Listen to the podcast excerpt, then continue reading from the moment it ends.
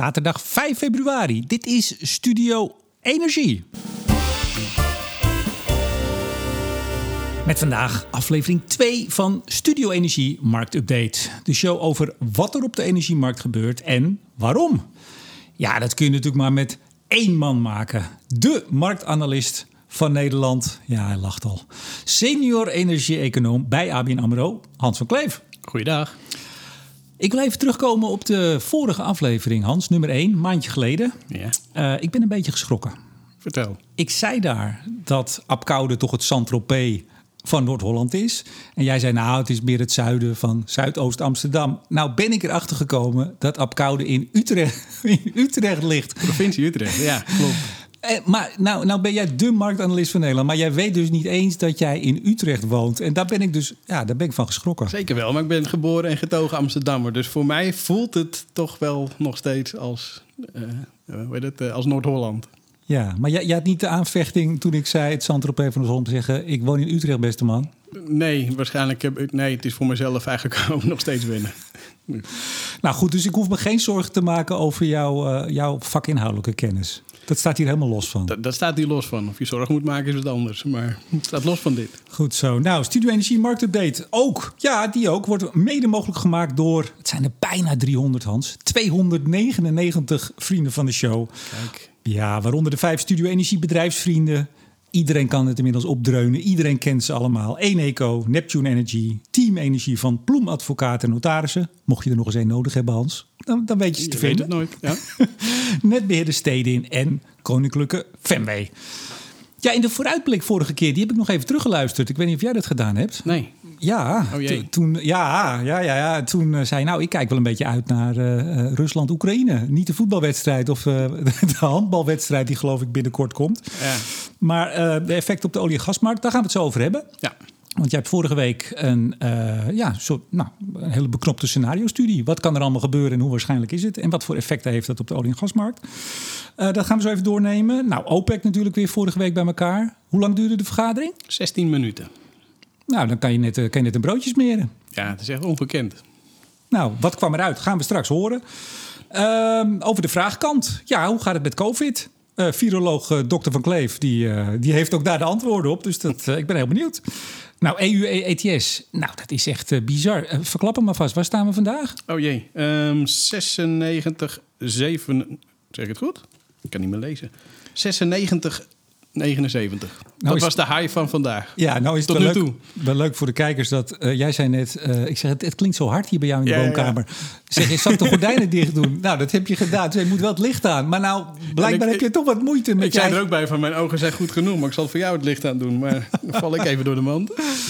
Nee, maar echt, echt enorme sprong. Eh, Ja. We gaan gewoon richting de 100. En da- da- we hadden gedacht dat we dat ergens over een jaar of tien zouden bereiken. Ja, na 2030, hè? Ruim daarna zelfs. Ja. Nou, we nemen dit op vrijdag op. En eh, start van de Olympische Spelen. En er was een lunch tussen eh, meneer Biden en... eh, nou wil ik de naam van de Chinese leider uitspreken. Maar nu bedenk ik me dat ik die altijd verkeerd uitspreek. En dan word ik gecorrigeerd door een bepaalde, bepaalde dame. Floriske Deutman. Jij kent Floriske, hè? Ja, qua naam wel. Ik heb, voor mij elkaar nooit ontmoet. Maar Nou, dat, gaat dat gaat Weet- vast binnenkort een keer is, gebeuren. zeker. Eh, zij doet alles met China. Zij weet ook hoe je alles uitspreekt. Dus, nou ja, hoe heet We houden het op hoe spreek Chinese jij hem uit? leider. Hoe spreek jij hem uit? de- als, als Chinese leider. Ja, Chinese leider. Eh, lunch gehad. Nou, die zijn dikke, dikke vrienden, hè? Eh gastdeal gesloten. Gaan we het zo ook nog even over Biden hebben. of bedoel je Poetin? Zei ik Biden? Je zei Biden. Oeh, Maar ik, ik denk dat... eh, Die heb je wel goed uitgesproken, maar ik denk dat je Poetin bedoelde. Rusland en China zijn ineens, eh, of nou ineens al een tijdje, maar de, de banden worden nog hechter. Ik geloof dat ze elkaar al 38 keer ontmoet hebben in de afgelopen hoeveel Ja, jaar? ze, ze vinden elkaar natuurlijk in het, eh, het, het, het tegen Biden zijn. Ja, nou, dat, dat, dan heb je, of tegen Amerika moeten we eigenlijk zeggen. Hè? Ja. Nou ja, ik denk dat de relatie met de vorige president een stuk hechter was. Ja, vriend, eh, vriend Donald. Maar goed, dat, eh, die, komt er weer aan. Hè, over Ja, je jaar. weet het niet, hè? Nog een paar jaar, dan zit hij er gewoon weer. Och, mijn hemel. Nou goed. Hey, eh, Rusland-Oekraïne. Ehm, vorige week kwam er, hoe, hoe noemen jullie dat binnen de bank? Wat, wat noem je het? Scenario-studie? Scenario-analyses, ja. Ja.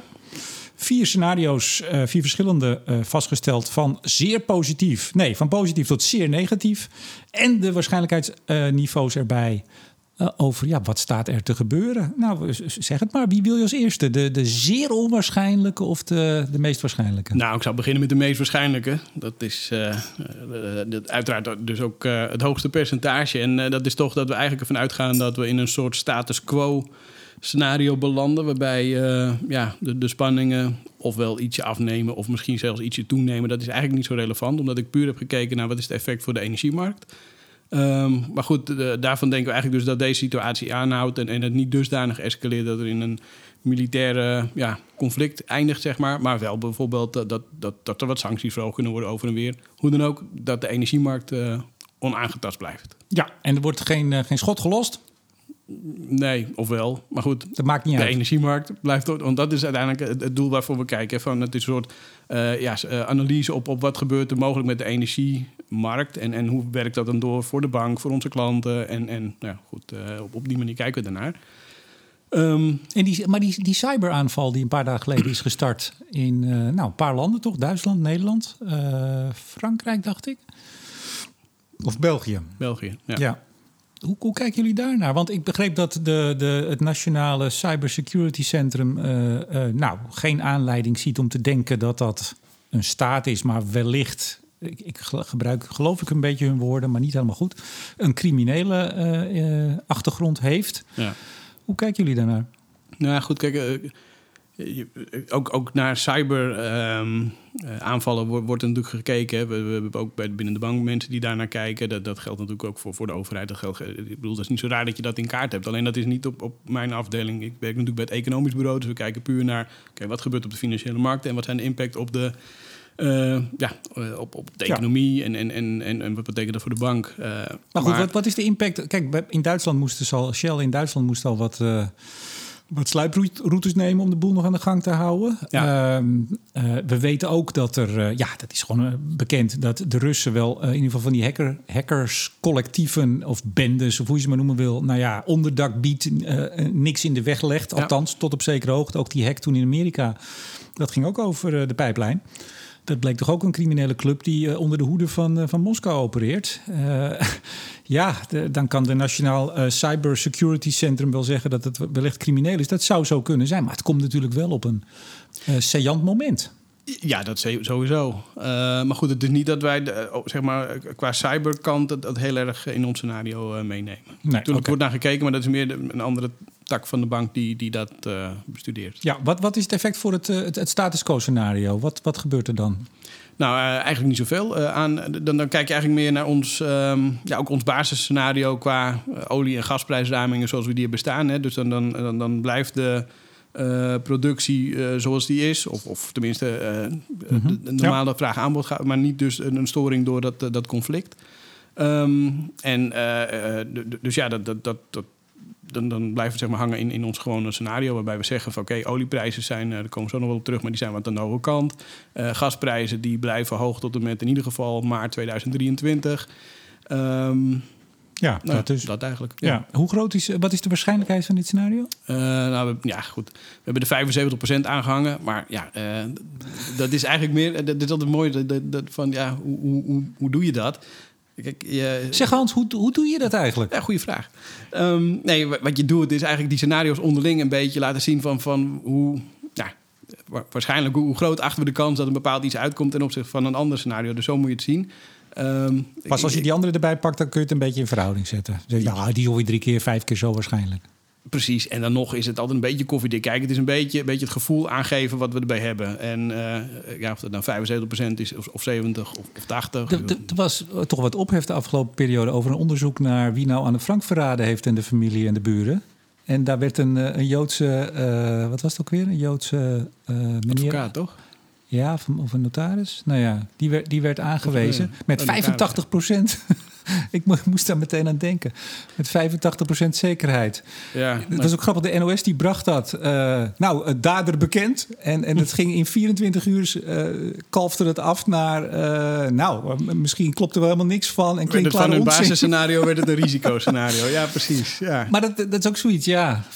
85 procent, nou, 75 procent Ja, nou, ik weet niet of je die vergelijking helemaal zo kan trekken met, met dit, dit verhaal. Ik wou maar, er een actualiteitje in gooien, Hans. Ja, nee, eh, heel goed. Maar, maar goed, wat je, wat je vooral moet doen is, is kijken voor inderdaad ten opzichte van de anderen en, en hoe, hoe comfortabel voel je erbij. En misschien komen we er zo bij onze olieprijsdamingen nog op. Uh, want daar zit een, aan ons basisscenario een heel ander waarschijnheidspercentage. Uh, Oké, okay. nou dan kunnen we denk ik kort over. Doe het meest onwaarschijnlijke scenario wat er aan de Oekraïense-Russische grens gaat gebeuren. Nou, misschien mag ik dan toch die laatste twee eventjes doen, de twee negatieve scenario's. Um, het, het, het, het, ene negatieve scenario is waarbij um, zeg maar de, de, situatie escaleert dusdanig dat ook de gasexporten richting Europa geraakt worden. Uh, dat kent natuurlijk wel consequentie voor de gasprijs, voor onze fysieke uh, levering en, en, uh, en, en, zeg maar ja, mogelijke tekorten. De, de kraan gedicht. De kraan gedicht. Helemaal, ja. stukje? Nee, in principe helemaal. Um, dus geen LNG, geen pijplijn deze kant op. En uh, ja, dat goed, wat ik zeg, dan, dan hebben je tekorten. Dan kan je misschien kijken naar de LNG-import. Dat, dat kan je natuurlijk voor een deel aanvullen op die manier. Maar je komt tekort. Dus moet je ook in de vraagkant gaan sleutelen. Um, en een nog negatiefste scenario is dat ook de oliemarkt geraakt wordt. En eerlijk gezegd, die kans achten we zo klein dat het minder dan 5% is. Maar goed, het is natuurlijk een scenario waar, wij, uh, waar je wel rekening mee moet houden. Ja, en die, uh, die of in ieder geval moet die... benoemen dat, dat het ook bij mensen in beeld is. Ja, die eerste die je zei, hoe groot is die? Uh, tussen de 5 en 10 procent. Dus Nou. ook, ook dat is niet, niet heel groot. Dus we denken dat het heel onwaarschijnlijk is. Maar ja, ook dat kan je niet uitsluiten. En moet je kijken naar wat zijn mogelijke gevolgen als het toch gebeurt. Ja, nou dan heb je vast nog een scenario waarbij het allemaal veel beter gaat. Ja, nou ja, goed, als, als nu de, uh, de situatie de, de, uh, de-escaleert, zeg maar, en, en uh, weet ik veel, als de Duitsers zeggen van Nord Stream 2, prima, ga je gang. Ja, dan kunnen de markten natuurlijk heel snel uh, draaien. Dan, dan, dan uh, neemt de export vanuit Rusland richting Europa aanzienlijk toe. En dan kunnen dus de gasprijzen, ja, die zullen een enorme daling laten zien. Er zullen een enorme daling zien in de elektriciteitsprijzen. Dus die, uh, die effecten zijn er ook. Maar goed, dat zijn dan de, de resterende 15 procent. Ja, ik las zelfs uh, een daling naar 20 uh, euro per megawattuur. Ja, daar komen we natuurlijk vandaan. Dus, ja. En dat zal niet zijn in het voorjaar. Hè, want we hebben die, die krappe voorraden natuurlijk op dit moment. Ja, die vul je niet 1, 2, 3 aan. Maar dan zal je wel kunnen zien dat in de loop van de zomer zeg maar, die prijzen echt wel normaliseren. 15 procent kans? Ja. Ja, dus het, dus het wordt gewoon, Van Kleef zegt, scenario 1. Het, ja, het is wat het blijft en het blijft wat het is. Goed zo. Nou, hoe zit het met de gasmarkt op dit moment? TTF, wat betaal je? TTF. Uh, nou, op dit moment zitten we uh, rond de 82,5 euro voor het maandcontract en 54 en een beetje voor het jaarcontract. Um, dus uh, aanzienlijk lager dan die piek natuurlijk in december. Hè. Dat, dat, dat was vorige maand al en dat, dat is nog ietsje verder afgekomen. Maar het ligt redelijk stabiel, even boven de 80 euro voor de maandcontracten. En eigenlijk blijft die prijs op dat niveau hangen tot en met uh, maart volgend jaar. Dus die, um, ja, die, die markt is wat dat betreft heel, heel stabiel tot, tot aan die periode. Dus we zien geen verbetering in die... stabiel hoog. Stabiel hoog, ja. ja. Maar er is wel wat rust, hè, lijkt het. Ja, er is rust. Er is natuurlijk uh, eigenlijk vanwege twee redenen. Er is natuurlijk meer LNG deze kant op gekomen. Uh, en, en misschien nog wel belangrijker is dat ja, we hebben natuurlijk een dusdanig mild voor, of, uh, milde winter tot nu toe. Dus januari was, was relatief warm. Mm -hmm. dus die voorraden, die, we, ja, die enorme tekorten die we hadden, ja, die, die, die, die nemen wel af, nog steeds die voorraden. Maar die kruipen langzaam maar zeker toe naar het niveau waar we bijvoorbeeld in 2017 ook zaten. Dus die, die situatie is niet meer zo nijpend als dat het een maand geleden was of anderhalf ja, maand maar geleden. Wacht, wacht even, dus we, in een strenge winter haal je er meer uit. Nu halen we er minder uit. Dus uiteindelijk komt het op dus hetzelfde het tekort neemt voorraadniveau. af. Ja, ja. Uh, of, ja het tekort wordt minder groot. Um, met dat verschil natuurlijk dat we in 2017 uh, hadden we nog uh, veel meer productie uit, uit ons eigen land, hè, uit Groningen met name. Mm -hmm. Uh, dus nog steeds, als zou de komende weken flink uh, kou in, invallen, ja, dan, dan hebben we nog steeds wel een probleem. Maar goed, je ziet wel in de markt dat er wat rust in komt en dat we denken dat het probleem minder groot wordt. Ja. Uh, kou, dan heb je het denk ik over Europa. Maar inmiddels heb ik van jou geleerd. We hebben, we hebben het over een wereldwijde uh, ja. gasmarkt door, door uh, LNG. Door, door LNG, door vloeibaar aardgas, is, is eigenlijk gas echt toch wel van een regionale markt een mondiale markt geworden. En dat betekent dat als het hier relatief mild is, maar in, in China bijvoorbeeld heel erg koud wordt, dan neemt de vraag naar, uh, naar gas in China uh, evengoed behoorlijk toe. Mhm. Gaan die prijzen daar stijgen? Want die liggen nu eigenlijk continu 1, 2, 3 dollar onder de prijs van TTF hier in, in Nederland. Uh, daardoor zie je dat het aanbod van LNG richting Europa best hoog is. Maar ja, dat kan natuurlijk uh, zo draaien. Hoewel de voorraden in Azië op dit moment best wel hoog zijn. En je ziet zelfs dat er misschien wat, wat aanbod vanuit die kant komt. Omdat, omdat ze eigenlijk gewoon te veel hebben ingekocht. Uh, ik bedoel, China heeft in 2021 van januari tot en met uh, augustus bijna alles ingekocht wat er, wat er beschikbaar was. Waardoor er heel weinig naar Europa ging. Mhm. Um, maar daardoor zijn die voorraden dusdanig ruim dat ook dat scenario best wel, wel gunstig is voor ons. Ja, nou zagen we, we nemen dit op vrijdag op trouwens, vrijdagmiddag. Uh, nou, afgelopen nacht, of ik zag het vanochtend eigenlijk, vrijdagochtend in Amerika, in de Verenigde Staten, flinke cold spel. Een flink deel van Amerika zit flink in de kou. En ook weer meteen, zo gaat het in Amerika. Ik geloof een paar honderdduizend mensen zonder stroom. Ja. Want uh, ijs op de leidingen, je kent het wel. In hoeverre zie je dat nou meteen op zo'n vrijdagochtend in de prijs uh, uh, verdisconteerd worden? Ja, dat, dat zie je wel meteen, maar dan met name op de, de gasprijs op de Henry Hub, dus de, de, de Amerikaanse benchmark. Uh, hoewel die aanzienlijk lager staat nog dan eind uh, januari, want toen, toen zaten we op, op 6 en een kwart. Uh, nu zit het op 4,75. Dus, maar maar dat, dat, reageert heel snel. Maar, dat reageert, maar reageert het dan op die mondiale LNG-markt ook meteen? Nou, in de VS is het minder. Is het echt heel erg weers. Sowieso gas is natuurlijk altijd heel gevoelig voor weersomstandigheden. En in de VS misschien nog wel meer, omdat zij ja, meer exporteren dan... Of eigenlijk niet importeren aan gas. Um, dus ja, dan, dan, wat je dan vooral ziet is dat ze op een gegeven moment, als ze heel veel meer zelf gaan gebruiken, dat ze minder kunnen exporteren. Maar dat is nog niet aan de orde. Oké. Okay. Nou, um, meneer Poetin en de Chinese leider. Uh, lunch, wat, wat, hebben ze voor deal gesloten vanochtend? Veel van ik zeggen, wat hebben ze gegeten? Geen nou, dat wou ik je wel vragen. Uh, ik bedoel, jij weet alles, maar ik, ik, denk, ik denk dat je dat niet weet. Nee, dat, dat, dat, dat denk je goed. Uh, wat, wat, wat, zouden, wat zouden wij gegeten hebben? Gewoon een lekker, lekker Chinees hapje? Of wordt er dan voor, voor meneer Poetin gewoon lekkere Russische kosten gehaald? Ik heb geen idee. Het is wel uh, interessant om daar eens over na te denken, Hans. Ja, dat is het zeker. Maar misschien moet je dan toch iemand anders vragen die daar wat meer thuis in is. Volgens mij hebben ze een 30-jarige gasdeal gesloten. Zeker, ja. LNG en pijpleiding uh, capaciteit, dus uh, meer gas naar, naar China voor 30 jaar lang. Klopt. Over die nieuwe pijplijn die ze gaan aanleggen of ja, ook de bestaande? Ja. ja. Dus uh, nee, maar ja, goed. En dan zie je natuurlijk duidelijk het, het, verschil tussen het Chinese energiebeleid en bijvoorbeeld hier in Europa, waarbij China gewoon zegt van nou, voor de komende 30 jaar weten we dat we het nodig hebben. Uh, dus, dus we leggen het vast. Ik las trouwens dat ze hem afrekenen in euro's. Ja, dat zag ik ook. Dat vond ik wel opvallend, eerlijk gezegd. Ja, ik ben niet zo'n kenner van, uh, van die wereld, maar ik vond het ook opvallend. Maar ja, voor hetzelfde geld gebeurt het heel vaak. Maar je, je, je denkt toch dat het eerder in misschien ja, nou, dollars, dus duidelijk niet. Nee, dollars niet. Nou ja, dat snap ik dan nog wel. Maar uh, zou het natuurlijk ook heel goed voor de roebel of, uh, of de, of de yuan, uh, de, de, de, Chinese, Chinese munt, munt ja. kunnen. Maar wat betekent kiezen. dit? Of is dit niet jouw expertise? Nou ja, goed, betekent in ieder geval dat ze weg van die dollars willen. En dat, uh, dat, dat, dat, begrijp ik natuurlijk wel met al die sancties en alles. Maar ik, ik, ik ben hier een totale leek op, zeg ik meteen. Maar ik denk dan, nou ja, ze verwachten dat de euro het meest stabiel is, denk ik dan. Nou, wat je ziet, normale grondstofmarkten worden eigenlijk altijd, of bijna altijd, afgerekend in, uh, in dollars. Um, en daar, dat, ik bedoel, China heeft dan een eigen um, olie-benchmark gecreëerd een, een paar jaar terug. En dus, dus, je ziet wel, en dat, dat zie je bij Rusland natuurlijk vanwege de sancties die ze hebben, dat daar ook een noodzaak is om naar andere valuta's te gaan. Um, en dat ze dan kiezen voor de op één na meest liquide valuta, ja, dat, dat is op zich een, uh, een logische keuze. Hm. Maar dit soort contracten, hè, 30 jaar gaslevering. Uh, het gaat om zo'n 10 miljard kuub. Uiteindelijk wordt de totale levering van Rusland aan China zit tegen de 50 miljard kuub per jaar aan. Nog niet heel veel, denk ik, voor zo'n groot land. Maar goed, ze, ze kunnen het ook nog over, over zee halen. Hè. Ze gaan het, een beetje het alle hoeken en gaten. Zijn ze, ja. zijn ze gas aan het contracteren. Ja, voor mij is Rusland nu de derde uh, gasleverancier qua, qua grootte.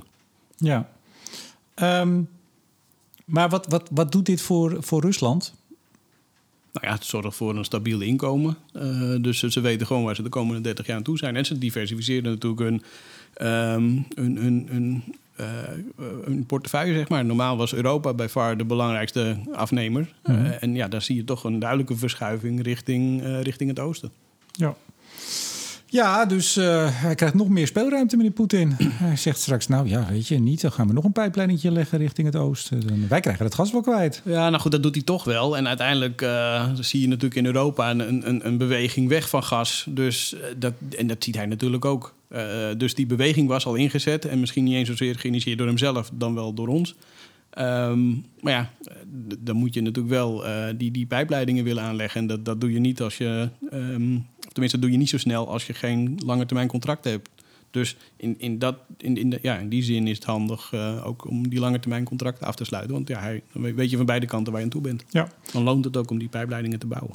Het IEA kwam afgelopen week uh, met hun uh, Q1, uh, eerste kwartaal gasrapport. Ja. Is je nog iets opgevallen? Um, nou ja, een, een, een, paar dingen. Het was met name dat uh, de. Uh, wat, wat, wat, wat, ik niet wist, was dat er bijvoorbeeld heel veel hydro-energie uh, uit Zuid-Europa. dat vorig jaar weg was gevallen. En dus opgevangen werd door meer vraag naar gas. Dat, dat, dat, dat ik zelf. Hydro, stuwmeren waarmee Precies, stroom wordt ja. opgewekt. En het was toch 17% lager. En dat, ja, dat moet dus opgevangen worden door gas. En dat, dat zorgde dus mede voor dat die vraag in Europa wat, wat hoger was dan dat we in eerste instantie dagen dachten. dan technisch onderhoud, storing? Ja, daar stond er. Nou, misschien stond er wel in, maar ik heb het niet goed Maar ik vond eerlijk gezegd al. al ik was zo, zo verbaasd van, zo- van het ja. nieuws. Ehm, nou, en eerlijk gezegd, ja, verder stond er in dat rapport vooral. Ja, ik, ik vond een mooie samenvatting over wat we het hele jaar natuurlijk gezien hebben. Dus, dus eh, ja, dat de vraag in, in Europa natuurlijk eh, behoorlijk gedaald was. En in een behoorlijke draaizag richting kolen. om- vanwege die hoge prijzen. eh, Dat, dat de voorraden natuurlijk veel lager zijn. Dus op zich was het een, vooral een bevestiging van wat we al wisten. Tenminste, als, als je het op dagbasis volgt. Ehm, ja, Ja, ik denk dat dat het belangrijkste verder was. geen shocking, shocking zaken. Gelukkig niet. Oké, EU ETS. Ik keek vanochtend nog even, vrijdagochtend. Toen zaten we op de, ik geloof, 97 euro. Te, eh, nee, we zitten er net onder. Oh. Maar goed, dat was het record van vanmorgen. Ja. 96, 80 ongeveer. Zoiets. Ja. Ja, klopt. Ja, dit, dit gaat bizar hard. En vorige eh, maand even, toen hadden we natuurlijk ook... Ja, we- dit is de marktupdate, dus we hebben het er iedere keer over. Zeker. Vorige keer 86, 87. Ja. ja, we hadden toen een record van 91, 19 uit mijn hoofd. Ehm, en wat je dan ziet is dat er natuurlijk eh, van die hedgefondsen zijn... Of, of, of meer speculatieve beleggers... die leggen een order in net boven dat recordhoogte, zeg maar. Dus als die gaat, dan worden die orders uitgenomen. Dan krijg je een soort van ja, katapult-effect. Dan wordt die prijs extra omhoog geduwd. Ehm, en dat, en ja, dat, is- dat, dat is precies wat je ziet. Dus die opwaartse prijstrend wordt zeg maar gestuurd door de, de fundamentals. Hè, puur de vraag naar die emissierechten. Eh, maar de, de snelheid en de bewegelijkheid waarin die prijzen, eh, in dit geval dan vooral omhoog gaan... ja, dat komt toch ook vooral vanwege marktspeculatie. Ja, nou, dan zie je meteen op social media en elders eh gejuich, hoezee, hoezee, nog hogere prijs. Dus gaat de transitie sneller. Ja. Ik verbaas Laat- me er altijd zo over. Ik ben ook Ja? benieuwd als die, dan, die prijs ineens 25 of 30 procent lager staat... of iedereen dan ook zegt van... hé, hey, mooi, het systeem werkt. Nou, dat, dat is al een tijd niet gebeurd, want we zitten eh, al heel lang in een opwaartse trend. Maar stel nou eens dat dat gebeurt. Ik denk dat Leiden in last is. Dat denk ik ook. En het is helemaal niet zo raar om te denken dat het gebeurt. Ik bedoel, neem alleen maar een voorbeeld dat die gasmarkt normaliseert. Dan, dan neemt de vraag van kolencentrales af. Dus dan, dan eh, zie je daar minder vraag naar die emissierechten. Dan denken marktspeculanten wellicht tijd om winst te nemen. Die gooien die handel in de verkoop. Ja, een daling van 20, 30 procent is echt niet zo raar dan. Er was een ehm, rapport verschenen deze week. En dan moet ik even goed kijken, want ik vond het nogal een ingewikkelde, zeg ik erbij. Ehm, het is een rapport geschreven door eh, de co-founder en executive director van de Green Finance Observatory. Eh, mede mogelijk gemaakt door de Groenen in het Europees Parlement, of betaald daardoor, eh, door, door de club. En ook twee van de Groenen, Marie eh, en Philippe Lamberts, of Lamberts, is een Belg, van de groene eh, fractie in het Europees Parlement schreven een voorwoord. En die deden eigenlijk, of doen eigenlijk, een, een scherp pleidooi voor de hervorming van het EU-ETS. Eh, zij zeggen, eh, ja, er zit veel te veel speculatie in, er zit ontwerpfout in. Het doet eigenlijk eh, niet genoeg wat ze zouden moeten doen, het ETS. Ehm, het moet hervormd worden.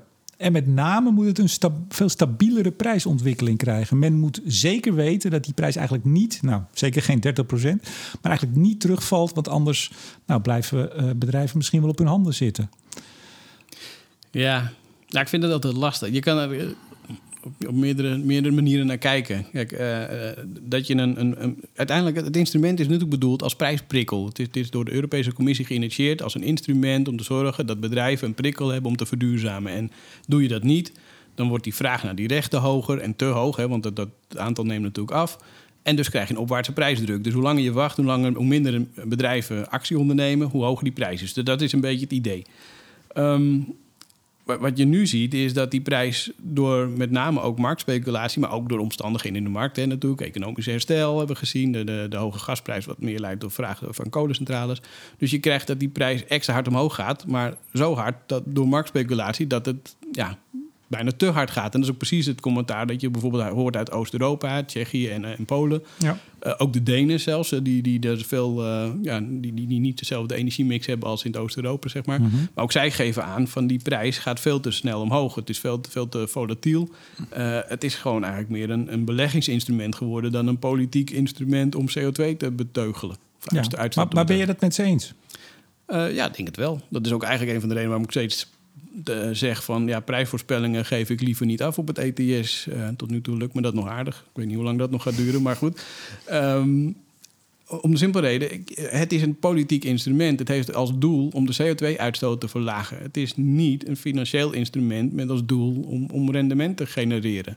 Maar, wat, maar toch even, want dit, blijft, dit is een discussie die komt steeds meer op. Ja. En die zal ook blijven, denk ik, als we die, die volatiliteit, zoals het heet, in die prijs houden.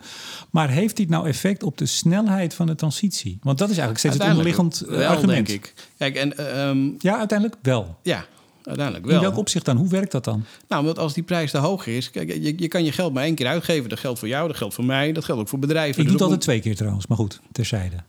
Ja, oké. Okay. Maar dan kom je vanzelf een keer uh, in, kom je dat tegen. um, ja, nou weet ik misschien niet meer. Lekker. oh ja. Nee, maar um, het idee is dus dat je, je, je, kan het maar één keer uitgeven. Dus op het moment dat je ineens onverwacht... Ik bedoel, die opwaartse prijsdruk is één ding. En je wil natuurlijk zorgen dat die, die, die transitie uh, versneld mm-hmm, wordt. Ja. Maar op het moment dat je ineens onwijs veel moet betalen aan die rechten... en natuurlijk, dan komt het bij de overheid terecht... dan hoop je dat het via subsidies weer terugkomt in de economie... Uh, maar uiteindelijk ben je het wel kwijt. Uh, dat betekent dat alles dat je betaalt aan die emissierechten... kan je niet betalen aan je investeringen in de transitie. En je wil dus wel eigenlijk vanuit de politiek optiek gezien en, en met, met oog op die CO2-verlaging, dat het een, een, prikkel is om te verduurzamen. Maar je wil natuurlijk niet dat, dat je zeg maar al die bedrijven de, het water aan de lippen brengt omdat die prijs zo hard omhoog gaat. Maar, maar, maar, even Hans, als ik nou een bedrijf ben en ik heb, veel, ik heb jaarlijks veel rechten nodig, ik krijg een stukje gratis, maar ik moet er ook al veel kopen. Nou, Tata Steel bijvoorbeeld, hè? Hans van ja. den Berg had hem uh, hier in de podcast. Nou, die vertelde toch, ik ben het even kwijt, maar het was een substantieel bedrag, een miljoenenbedrag, wat ze toch al jaarlijks uh, daarvoor moeten betalen. Als ik nu zie dat die heel erg hoog is en ik zit met mijn chef EU-ETS-rechten inkoop, zit ik om de tafel. En ik zeg, ja joh, Kees, uh, even, even rustig aan doen hoor, want we kunnen maar één keer uitgeven. Dan zeg je toch, ja maar joh, dat kunnen we wel doen, maar we hebben die rechten wel nodig. En uiteindelijk, bedoel, we kunnen niet wachten met investeren in verduurzaming, want over vijf jaar en over tien jaar zijn er nog minder rechten en staat die straks op de 150 euro. Ik snap niet zo goed hoe bedrijven die een lange termijnvisie hebben, hoe die dan door een tijdelijk, misschien door die volatiliteit hoge EU-ETS-prijs, dan maar hun hele verduurzamingstraject, wat jaren duurt, hè, dat is niet een knopje om, dat zijn plannen voor 10, 15 jaar om hele fabrieken om te bouwen. Hoe, hoe ze dan denken, nou, we wachten wel eventjes. Ja, dat, dat, dat staat denk ik ook een beetje los van elkaar. Want uiteindelijk, als het tijdelijk is, is ik bedoel, uiteindelijk zijn dat soort bedrijven natuurlijk heel erg gewend om om te gaan met, met bewegende marktprijzen. Dat, dat, dat, doen we ja, op, op, gebied van alles. Elektriciteit, uh, uh, gas, kolen, alles beweegt en beweegt hard. Dus da, daar kunnen ze prima mee omgaan. Um, het punt is meer dat, dat je, weet, je weet natuurlijk niet hoe het product zich verder gaat ontwikkelen. Het blijft een politiek instrument. Dus, en, en er is continu druk om daaraan te gaan lopen sleutelen. Dus die zekerheid van wat, die, uh, wat het aantal rechten en dus de prijs daarmee gaat doen, die heb je niet. Um, en wat het extra moeilijk maakt, is, is die hele hoge bewegelijkheid door, door, ja, door marktspeculatie. En dat is eigenlijk met name wat, wat die twee uh, auteurs van het rapport hebben gezegd. Maar wat ook die andere landen aangeven. Van haal nou het, politieke, het, het instrument zeg maar, los van het marktspeculatieve Hoe deel. doe je dat? Nou ja, je kan er een, een apart product naast zetten, puur die, die zeg maar de, de koers van het EU-ETS volgt, maar dan puur bedoeld voor speculatie. Dus dat, op zich is dat niet zo, zo super moeilijk. Hm. Uiteindelijk heb je dat met, met heel veel producten. Je hebt van die, um, uh, uh, hoe heet die dingen, die EDF's, ja, dat is een afkorting. Ik weet niet precies wat de afkorting staat. Maar zijn van de of van, van, die, van, die, van die afgeleide producten, zeg maar, die de, de koers van een aandeel, een, een, een, een grondstof of, of een, een index uh, volgt. Mm-hmm. En daar kan je natuurlijk ook prima in beleggen. Mm. Maar, dus, dus, uh, maar wat je dan krijgt is een, een zuiver product dat puur uh, een, een, stijgende prijs laat zien, omdat de vraag groter is dan op dat moment het aanbod vanuit het bedrijfsleven. Dus dan, dan, dan split je dat. Maar jij zegt steeds een politiek instrument, tot slot hoor. Maar dus het, het verwijt wat ik al een, een paar jaar hoor. Uh, want ik zeg ook altijd, nou ja, uh, in 2050 staat het op nul, zijn er geen rechten meer. Ja. Dus wat, wat ze dan ook kosten, dat maakt niet uit, want ze zijn er niet meer. Dus je weet gewoon in 2050 is het over en uit. Maar dat argument van het is een politiek instrument betekent dus eigenlijk, als ik jou ook goed begrijp, het zou best eens kunnen zijn dat als het water heel Europa aan de lippen staat, dat de druk vanuit verschillende lidstaten om het dus aan te passen en nou, bijvoorbeeld meer rechten of misschien wel langer dan 250 door. Hè? Als, nou, als nou blijkt in 240 dat het echt gewoon niet gaat ja. en de industrie ligt op zijn gat. Dat is dus, dus wel het gevaar dat het niet dat keurige pad Nee, dat, dat, klopt. Dat, dat, is een mogelijkheid. Of andersom. Dat, dat, en dat, zie je een beetje nu. Dat men de druk heeft van het moet nog sneller en nog sneller. En dat gebeurt ook. In Fit for 55 staat ook duidelijk van het, het moet aangepast worden. En die afbouw van het beschikbaar aantal rechten, die moet versneld worden. Dat gaat ook van 2,2% naar 4,2% die afbouw. Uh, en daarmee ja, creëer je sneller schaarste en een hogere prijs. En, en dus meer prikkel om te verduurzamen. Um, maar goed, uiteindelijk, en, en dat is natuurlijk ook waarom al, al die reacties op social media nu misschien wat. wat ja, kan jij vragen hoe, hoe zinvol dat is als die prijs omhoog gaat? Heel, social, heel social media is niet zinvol, dus in die zin is het allemaal. Nee, Oké, maar goed, maar uiteindelijk als die prijs omhoog gaat, ja, is dat dan een goed teken? Uh, het betekent eigenlijk misschien dat, dat of het systeem niet goed werkt, maar vooral ook dat, dat misschien die transitie niet snel genoeg gaat. Idealiter uh, heb je juist misschien wel een lage prijs. Want dan lopen we voor op het transitiepad. En uiteindelijk, en dat is wat ik iedereen steeds voor probeer te houden, is het gaat ons toch, dacht ik, om, om het, ja, een, een plafond leggen op die temperatuurstijging. En niet om een hoge CO2-prijs. Ja, maar, nou goed, dat, dat vergeten we nog wel eens. Uh, nou ja, er zijn mensen die dat totaal niet met jou eens zijn. Ja, ik snap het niet, maar dat... dat nee, natuurlijk niet. Ja. Ik, nee, ja, we hebben hier de analist. Ik bedoel... Uh, nee, nou natuurlijk. hey, olie. We gaan even door. Ja. Um, ehm, 16 minuten, OPEC was eruit. Nou, ik was net even thee zetten en uh, hup, klaar. Ja. Klaar was het alweer. Wat hebben ze besloten? Nou ja, ze hebben besloten, uh, zoals eigenlijk volledig was verwacht, ook door de markt, dat de productie in maart weer met 400.000 vaten per dag zal worden verhoogd. Um, op een, ik, ik, zeg het toch nog even altijd voor, uh, om even, even de, de scène goed neer te zetten, zoals het in het slecht Nederlands heet.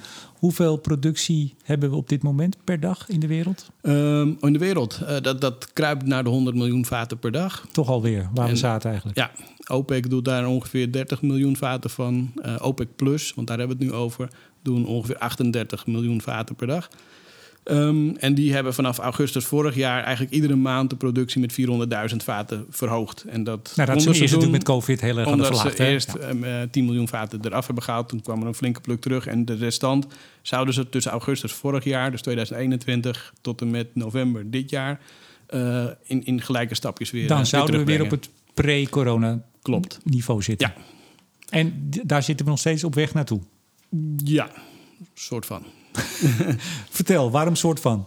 Nou ja, wat je ziet is, uh, kijk, het, het, mooie eh, in het begin toen die, die productieverhoging aangekondigd werden, of nee, andersom, toen de productieverlaging aangekondigd werd, waren er een aantal landen die um, meer produceerden dan dat ze moesten doen. Dus die kregen flinke tik op de vingers. Doen. Dan, ja, mochten, moesten, beide. Maar, um, maar die kregen flinke tik op de vingers vanuit uh, met name Saudi-Arabië van hey, iedereen houdt zich keurig aan de afspraak. Dus we willen een ze noemen dat een mooi een compliance rate, een, een, een compliance van 100%. Oftewel, iedereen doet precies wat ze moeten doen. Uh, wat je nu ziet is de afgelopen maanden dat ze eigenlijk die aankondiging doen van 400.000 vaten per dag meer.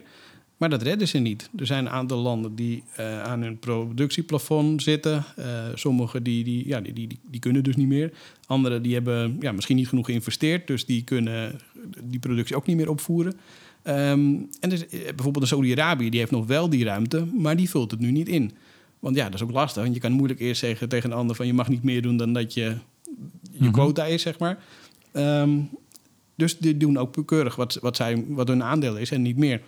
En dat zorgt ervoor dus dat die 400.000 vaten per dag niet gehaald worden. Maar bijvoorbeeld in, in, in uh, december was het 250.000 vaten per dag. Afgelopen uh, maand zelfs nog, nog veel lager. Ja, de helft hè, zoiets. Precies, dus dan, um, dan, dan, dan zeggen ze mooi dat de compliance rate neemt toe. Met een soort van trots, kijk ons is goed aan onze afspraken houden. Maar eigenlijk wat er dus mee gebeurt is dat de aankondiging van het productieniveau wat ze altijd deden... eigenlijk langzaam stilzwijgend is veranderd in een aankondiging van een productieplafond. En Dat, dat, dat lijkt een klein verschil, maar onderaan de streep maakt dat natuurlijk behoorlijk wat uit. Want, Maar bijvoorbeeld zoals in december, eh, dus dat was eh, nou iets meer dan de helft. Eh, afgelopen maand produceerden ze dus eigenlijk maar ongeveer de helft van wat ze hadden gezegd dat ze zouden gaan produceren. Extra, Ja. 200.000 vaten. Heeft dat effect op de olieprijs? Ja, je ziet dat die olieprijs eh, die, die kruipt ook langzaam richting de 100. Daar zitten we nog niet, hè. we zitten op 92 en een beetje. Ehm, of, of 93 zoals Brent bijna. Nou, ik zag vanochtend op de. Wat, leg eens uit, OOTT. Als je de hashtag OOTT op Twitter volgt, dan, dan heb je alles van alle analisten. Waar staat dat voor? Ehm, dat, waar stond het ook veel voor? Oil. ehm, nou, dat, dat- olie, olie Twitter. eh, het is zeg maar het olie Twitter eh, Wereldje. eh, wereldje. Jij hebt het ja. ook in je. In je Ja, ik zet het er ook wel eens bij. En dat, doet het internationaal wel, wel aardig. Ja, maar daar zag ik vanochtend, vrijdagochtend, de 92. eh, ja, dat was voor WTI. Ja. Voor ehm, de, de Amerikaanse benchmark. Ik zag het met, allemaal met kapitalen werd dat getwitterd. Dat was een groots, eh, groots moment. Ja, ja goed, dat, dat was bij de 90 eerder deze week ook al. En, maar goed, wat, wat je ziet is, is dat ook daar de prijzen natuurlijk behoorlijk oplopen. Het verschil tussen Brent en WTI is trouwens ook heel klein op het ogenblik. Nog maar 80 cent. Dus dat is op zich ook wel interessant, aangezien behoorlijk wordt gesteld dat er een risicopremie in zit voor Rusland-Oekraïne. Normaal zou je denken dat dat zich veel meer vertaalt in een eh, verhoging van de prijs in, in, in Europa, eh, dus de Brent. En minder in de WTI-prijs. Maar goed, daar is het koud, de vraag naar diesel is hoog en dat zorgt die prijs eh, in, voor WTI eh, weer wat aantrekt. Maar dus Rusland-Oekraïne zit al ingeprijsd. Ja, uiteraard zou ik Ja, nee, dan, dan heb je het echt over meerdere dollars, wat, wat gewoon puur en alleen eh, daarmee te maken heeft. Dus als we de, de de-escalatie en ineens eh, vallen ze elkaar weer, weer in de armen, dan gaan er een paar dollar. Dan, dan ben je zo weer 4, 5 dollar lager. Ja. Maar goed, ik weet nog, toen wij begonnen met blik op olie en gas. nou, volgens mij net na het begin van corona. Toen zaten we op negatieve prijzen in, Ja. in Amerika. In, hoe heet die ook weer? Je zei het net. Cushing, WTI, Weet hij, ja? ja. West Texas Intermediate. En, en ik zag toen toch wel eh, eh, verschillende analyses zeiden... nou, de 100 dollar, daar komen, we, daar komen we gewoon nooit meer. ja. Echt nooit meer. Ja. ik, ik ben altijd erg voorzichtig in net zeggen, we komen ergens nooit meer. Nee, maar dat was toen een beetje de teneur. En- hè? Dit is het einde. Dit is, we zijn nu over een soort hoogtepunt heen. En co- corona. En even los van hoe ver het doorgaat. Maar we gaan die 100 dollar en daarboven, die regionen, gaan we gewoon nooit meer bereiken. Ik Ja. las ik bij meerdere analisten. Ja, anderhalf jaar, iets meer. Ja. Het Bizar, er. Ja. ja, het gaat. Maar het is vaak hoor in grondstofmarkten dat eh, bewegingen als ze gaan, dan het komt altijd eerder en, en het gaat altijd harder dan dat je denkt. Dus Maar die, die analyses die ik toen las, of die, die nou, bespiegelingen, is dat dan door mensen die een belang hebben dat die niet hoger komt? Of dat ze naar beneden proberen te praten? Of, want je kan er toch eigenlijk, als je nou eens kijkt naar de olieprijs van de afgelopen decennia, wat kan je ervan zeggen? ja, ik vind dat altijd lastig. Je, je, ja, om, om nou te zeggen dat er mensen zijn met bepaalde posities in de markt en dat ze daarom dat, dat roepen, dat. Ja, ik, ik, misschien we ben gaan- ik niet we zo gaan van die niemand beschuldigen, Hans. Nee, We precies, gaan daarom, niemand daar ben ik nooit zo van. Nee. Eh, maar misschien zijn die waren of waren die er wel heel erg van overtuigd dat de wereld eh, na corona er heel anders uit zou zien. Dat de vraag naar olie weg zou vallen. We werken allemaal thuis en we rijden veel minder. Ja, maar dat was het precies, dat was het. Ehm, en ook, We gingen niet meer vliegen. Niet en meer we vliegen, gingen, ja. inderdaad. Nou ja, goed. En dat, dat zien we deels natuurlijk ook wel. Dat de, de vraag bijvoorbeeld vanuit het zakelijk vliegverkeer is veel lager dan dat die nog, nog steeds veel lager dan voor corona. Ook, ook privé wel. Maar het trekt toch wel weer aardig aan. En de mondiale vraag naar olie is, is redelijk. Of nu is ook naar verwachting weer terug op het niveau van voor corona in de loop van dit jaar. Ja, dus, dus dat vliegen legt in die zin eh, maar een relatief beperkt eh, eh, stuk in de markt. Nou, dat is, wel een aanzienlijk stuk. Maar wat je ook vooral ziet, is dat de economie in China natuurlijk een enorme boost heeft gekregen. Dus de vraag naar olie in China, die, die, die is gewoon eigenlijk onveranderd snel door blijven stijgen. Die hebben ook wel een dipje laten zien ergens in april vorig jaar, of eh, 2020.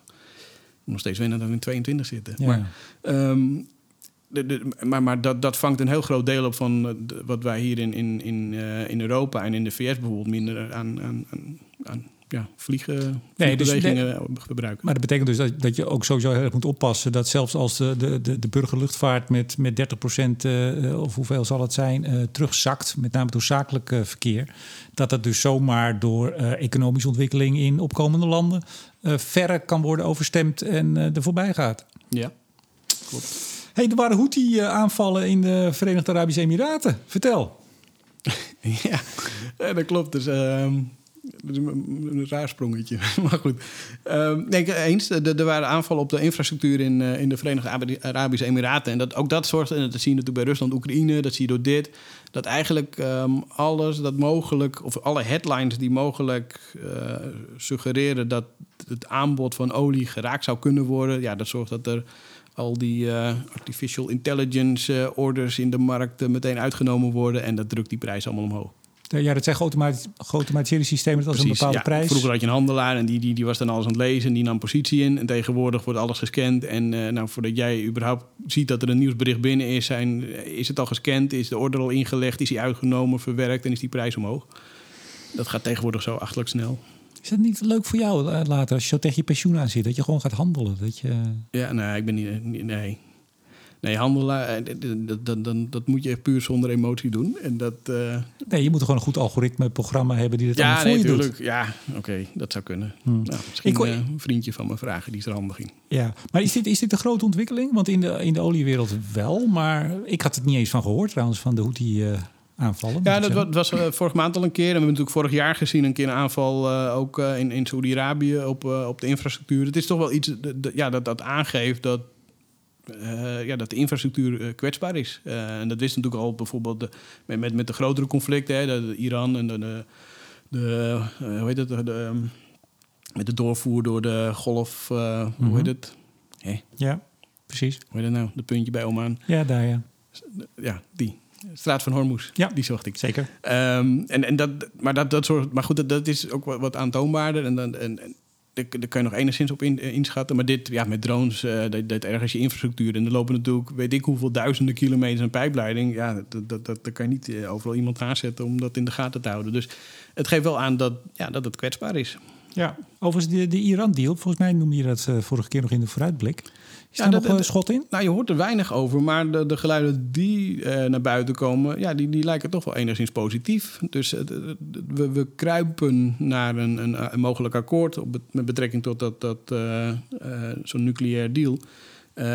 als die er is, ja, dat betekent dat, dat die, die sancties natuurlijk vanuit de VS richting Iran gelift worden of verminderd worden, waardoor er meer olie beschikbaar zou komen. Nou las ik, maar dan moet je me even helpen of ik dat goed gelezen heb en welk land dat was, dat Iran een goede deal heeft met of China of Rusland. Buiten de sancties om. Dus dat die helemaal, ja, ja. dat die helemaal Ja, nee, niet zo. Uh, maar Iran exporteert ook nog steeds, uh, wat is het, ruim 2 miljoen vaten olie per dag. Nee, ze produceren ruim 2 miljoen vaten en ze exporteren geloof ik anderhalf miljoen.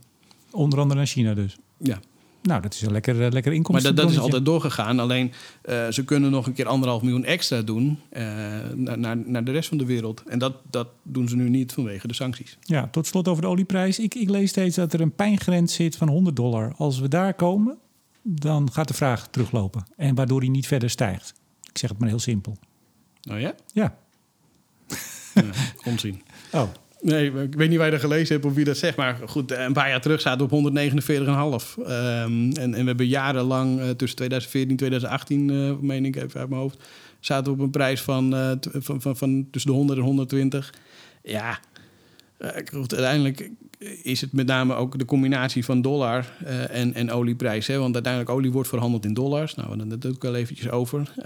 hier in Europa rekenen we alles af in euro's. dus naarmate die dollarprijs het een en ander compenseert... ja, eerlijk gezegd, die 100 in, in olie alleen... Dat, dat, is, dat zegt niet zoveel. Maar het is niet dat er op een bepaald prijsniveau uh, iets zo duur wordt dat je, nou ja, dat je iets anders gaat doen, dat je alternatieven zoekt en het daardoor de vraag Tuurlijk, terugneemt. Uh, er is wel degelijk een impact. Je ziet het in de VS heel mooi. Hè? De, de benzineprijs daar bijvoorbeeld. Er was altijd een, een soort psychologische grens. Boven de 3 dollar, dan, uh, dan lieten de Amerikanen sneller de auto staan. En dan hebben we het over 3 dollar per gallon. Uh, dat staat nog heel ver af van de die Mhm. prijzen hier uh, aan de pomp. Daar gaan we zo mee sluiten. Oh, daar zeg ik er vooral niet zoveel over. Maar dat, maar dat is wel een, een niveau waarbij je ziet dat, um, uh, hoe heet dat, ja, dat mensen de auto laten staan. Maar tot op zekere hoogte natuurlijk. Want ja, heel veel Amerikanen gaan met de auto op vakantie. je moet toch naar je werk. Ze wonen vaak niet daarnaast. Thuiswerken, ik weet niet in hoeverre dat daar nu gestimuleerd wordt. Maar um, en dat zie je natuurlijk hier ook. en, en ja, olieproducten neemt allemaal wel toe. Maar uiteindelijk ja, moet, moet de boel ook wel doordraaien. Ja. Nou, benzineprijs, je zei het al. Overigens, ja, had hier de NOS hè, in de woonkamer. Ja, woensdag. Ja? Oh, Hoe was dat nou met We- de Wessel? De Wessel, de Jong. Ja, altijd gezellig. Oh, man. Leuk. Echt wel een ster, hè? Die dan even binnenkomt. Wie Wessel? Ja? Ja, nee, ik, eh, ik mag hem graag. Ik vind het wel leuk. Hij is altijd super enthousiast. Dus eh, nee, het was een leuk gesprek, leuk item. Eh, Ik moet zeggen, Maar goed, uiteindelijk hou je er met 30 seconden van over in het journaal. Maar toch, er kijken, hoeveel, hoeveel miljoen mensen kijken ernaar? ik weet niet, 2 miljoen gemiddeld. Ja, ik moet zeggen, bij, bij ons in ons eh, huisgezin, als Wessel de Jonge op tv is, dan moeten we altijd heel erg lachen. En dan roepen we altijd, wat zou Jan, Jan op Twitter ervan vinden? Je, hij heeft een keer, ik weet niet of je dat toen gezien hebt, het ging over booking.com, maakte hij een item. En toen eh, had hij zijn telefoon in zijn hand. En toen, eh, dat was een beetje de ophef over de, de steun die ze, de coronasteun die ze gekregen hadden. En toen zei hij, zo zegt, hij ging van zijn telefoon lezen, zo zegt ene Jan op Twitter. En What the fuck? Waarom ga je gewoon een Jan van Twitter aanhalen als een soort ehm, Ja, ja. Fox Populi? Wat vindt de burger Een hele ervan? belangrijke, eh, belangrijke bron, Jan. Dat bleek trouwens ook nog iemand die niet zomaar at random... eh, nou goed, lang verhaal. Sinds, sinds dat eh, moeten we altijd lachen. En als we Wessel zien, dan zeggen we altijd... Ik ben zo benieuwd wat Jan op Twitter ervan vindt. Ja, ja, dat geldt terzijde. Oké. Jij had nou, een- ik, ik, had, eh, ik, ik, ik, ik ken hem al wat langer. Of tenminste, we, we komen elkaar natuurlijk af en toe tegen. En, eh, Tuurlijk. Dus, eh, hey, maar die benzineprijs? Ja. Ja. ik rij geen auto. Nou ja, ik heb zo'n Greenwheels. Overigens, dat zal verdisconteerd worden in de. Ja, dat, dat zal verdisconteerd worden in, eh, in de huurprijs van de auto. Dus ik zal het ongetwijfeld betalen. Maar ik weet niet wat dat. Het is duur op dit moment, begrijp ik. Ja, dit is duur. Dit is heel duur. We hebben nog nooit zo hoog gestaan. Hoeveel? Eh, ja, dat hangt er vanaf waar je het denkt natuurlijk. Maar voor mij is de adviesprijs op dit moment rond de 2,15. Maar er zijn ook eh, langs de snelweg eh, tankstations waarbij je al boven de 2,20 euro per liter zit. Ehm, Voor de oudere luisteraar boven de 4 gulden 50 per liter. ja. ja, het is, eh, ja, het is ongekend. Ja. Maar, maar zien wij nou in Nederland daar effect van? Dat mensen de auto laten staan? Ja, nou, dat is lastig, omdat we natuurlijk heel veel eh, nog, nog thuis werken. Tenminste, ik wel. Ik, ik rij aanzienlijk minder dan voor corona. Om de simpele reden dat eh, ja, ik, ik kom het dorp amper uit. Hier in eh provincie Ja, Utrecht. is, is die tank die hier voor de deur staat, is die voor jou? Ja, ja, dat is voor mij, ja. Dat is hybride. Dus Oh. ik, ik rij elektrisch het dorp uit. Ja? Maar ik zie geen laadpaal hier. Nee, dat is voordeel van hybride. Dat, dat wisselt. Hij laat zichzelf ook op. Oh, is dat zo? Ja, ja. Maar je, laat, jij hebt nooit aan een stekker ergens Nee. hangen? Dat kan ook niet. Nee. Oh, Nee, dat zou heel suf zijn als ik nu ergens een stekker in plug. Oké. Nou, je hoort wel, ik ben geen automan, dus ik heb, ik heb geen Ja, idee. Nee, maar, maar het, is, het, is- het is inderdaad heel erg duur. En dat ook, ook met name weer vanwege eh, wat we net zeiden, de dollar-effect. Dat, dat hakt er enorm in. Dus eh, ik, ik krijg heel veel vragen nu van hoe kan het dat de benzineprijs met 2,93 dollar zoveel lager is dan in 2014. Maar ja, de dollar was en toen... toch de benzineprijs is zoveel hoger, bedoel je? Ja, die staat op record over. Dus precies. En goed, we hebben natuurlijk gezien dat eh, de dollar toen op 1,40 stond en nu op 1,12 om en erbij. Eh, en natuurlijk, eh, de accijns is wat verhoogd, iets van 12, 12,5 cent sinds 2014 is erbij gekomen. De BTW is verhoogd van 17 naar 21 procent. Maar uiteindelijk het overgrote deel is toch echt het dollar-effect. Hm. Ja, want, want de olieprijs is maar zo'n kwart, geloof ik, hè?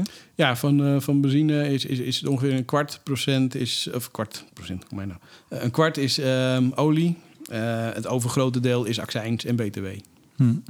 Ik zit eens te denken, hybride. Dat, er was toen ook zo'n spotje met, eh, wie sprak dat ook alweer in? Die eh Ruud de Wild. Ook zo, eh, helemaal schoon rijden, hybride. Maar het is gewoon dat je eigenlijk je remenergie opslaat, toch? Dat is het. Ja, dat is bij deze dan weer niet helemaal. Maar dat is ja mede. Dus dat je. Ja, ja. Maar goed, deze die gebruikt ook zeg maar de benzine om ondertussen de accu op te laden. Dus je, je wisselt steeds. Ik begrijp het niet, maar Nee? dat ligt Nou, helemaal moet je maar opzoeken. Ik stuur je het linkje wel. Nee, maar het is een, een tank van een auto. ik, ik heb die greenwheels ervoor gezet. Die valt helemaal weg, dat sleutelhanger. Oh, je En- had hem ook en- in de achterbak kunnen zetten. Maar het is een zware grote auto en dan gooi je dan benzine in. En met die benzine maak je dan weer, laat je dan je accu weer op. Eh, dat, dat kost dan toch ook? Ja, maar plus de, de, de, inderdaad de remmen, dan, dan, dan levert het op. En als je berg afrijdt, dan, dan, dan laat je, weet ik het allemaal. Ik, ik ben ook geen auto-expert. Als ik je bij Apkoude in van de brug rijdt, dan heb je weer, eh, heb je weer wat. Ja, zeker. Ja.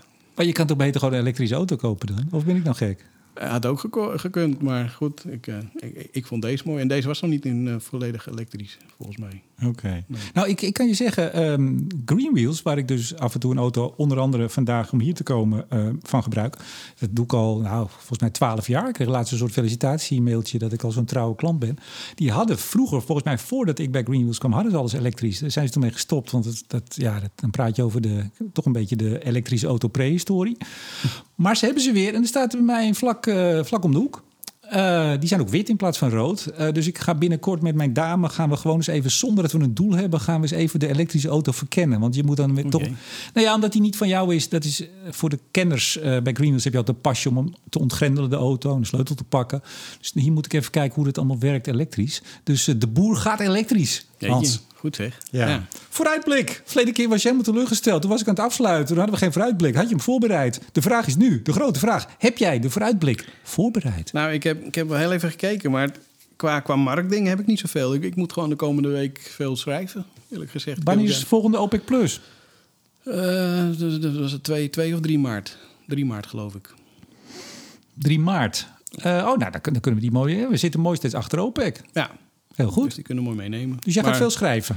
Ja, ja ik heb uh, sowieso een column komende week weer op Energiepodium. Ik moet nog een onderwerp hebben. Dus als je tips hebt, dan hou ik me aanbevolen. Wanneer ga je schrijven? Nou, de, de komende week. Ja, oké. Nee, maar als mensen dit horen op zaterdagochtend... dan kunnen ze jou meteen via Twitter of andere kanalen ja, tips geven. tips zijn welkom. Ik geef geen garantie dat ik het ook doe, maar... Uh, je hebt gewoon geen idee wat je moet doen. Je bent zo wanhopig dat je mensen vraagt... Uh, help me alsjeblieft, geef Nee, maar het schiet me nu te binnen. Maar normaal gesproken, ik bedenk het altijd pas een, een, dag of twee dagen van tevoren... van waar ga ik het dus deze keer over hebben. Dus een beetje op de actualiteit zitten. Dus um, ja, Misschien iets over de olieprijs of over de EU Ja, dat doe ik zelden eigenlijk. Ik probeer toch wat meer richting energietransitie te kijken in mijn, uh, mijn columns. Ja, je probeert bij de bank weer een fit, wit voetje te halen natuurlijk. Nee, dus dat, dat, dat, niet per se. Maar ik, ik heb het in mijn gewone updates al vaak genoeg over uh, marktprijzen. Dus uh, iets meer thematisch vind ik altijd wel leuk. Heel goed. En als ik echt niks meer weet, dan... dus als, als er iets nu staat over de olieprijs, dan weet je van... dat was niks anders. Hey, ik heb dinsdag klimaatjournalist Ties Joostend gast. Hey, leuk. Van, over zijn nieuwe boek. Follow the Money, over zijn nieuwe boek, over de KLM. Uh, hoe heet je ook alweer? De Blauwe Fabel. Ja. Ik denk, nou, dan weet ik wel ongeveer wat er in het boek staat. ik bedoel, de, de, de titel en ook het, het filmpje wat Ties heeft gemaakt, wat op YouTube, de aankeiler. Um, ja, ik, de, ik, denk dat ik al weet uh, wat er in het boek staat. Maar ik ben wel heel benieuwd, toch nog, hoe hij het heeft opgeschreven. en wat nou precies de teneur is. Ik ben op plaats 50, kan ik zeggen. Ik kan nu al wel vast zeggen dat het in ieder geval een heel leuk inkijkje in de ontstaansgeschiedenis van de KLM geeft. Oké. Meer dan dat weet ik nog niet. Maar het, komt natuurlijk, het gaat natuurlijk over een, een grote partij die toch, zoals hij ook in zijn voorwoord zegt, ja, toch een grote rol speelt in, uh, in, uh, in het klimaat. Uh, hoe schrijft hij het ook alweer? Nou, het zijn zware woorden die hij gebruikt. Het is niet goed met die KLM, met het gevlieg. Nee. En Neem dat, je ook de werkgelegenheid mee die het oplevert? ik, de, ik, denk het wel, maar hij is onderzoeksjournalist. Nee, het is, uh, ik heb met Ties wel eens iets uh, op biomassa zijn we geprobeerd. Dat was het vlak voor corona. Toen wilden we samen iets doen over uh, biomassa. Zijn we nog hm. voor op pad geweest. Toen gooide corona roet in het eten. Daar ken ik hem eigenlijk van en verder eigenlijk niet. tot hij een mooi boek had geschreven. Ik dacht, nou, daar gaan we over praten. Leuk. Of althans, ik denk dat het een mooi boek is. Ik weet eigenlijk, misschien is het wel een heel slecht boek. Ik weet het niet. Ik ook niet. Nog niet. Maar goed, dat is aanstaande dinsdag. Uh, heb je nog wat? Nee, eigenlijk niet. Dan zeg ik dankjewel. Graag gedaan. Tot volgende maand. En ik bedank natuurlijk ook jullie beste luisteraars. En in het bijzonder, ze zitten er al klaar voor ons. De beste vrienden van de show. Waaronder de vijf Studio Energie Musketeers. Jawel, Eneco, Neptune Energy, Team Energie van Ploem Advocaten Notarissen, Stedin en Koninklijke Femway. Mijn naam is Remco de Boer. Graag tot de volgende keer.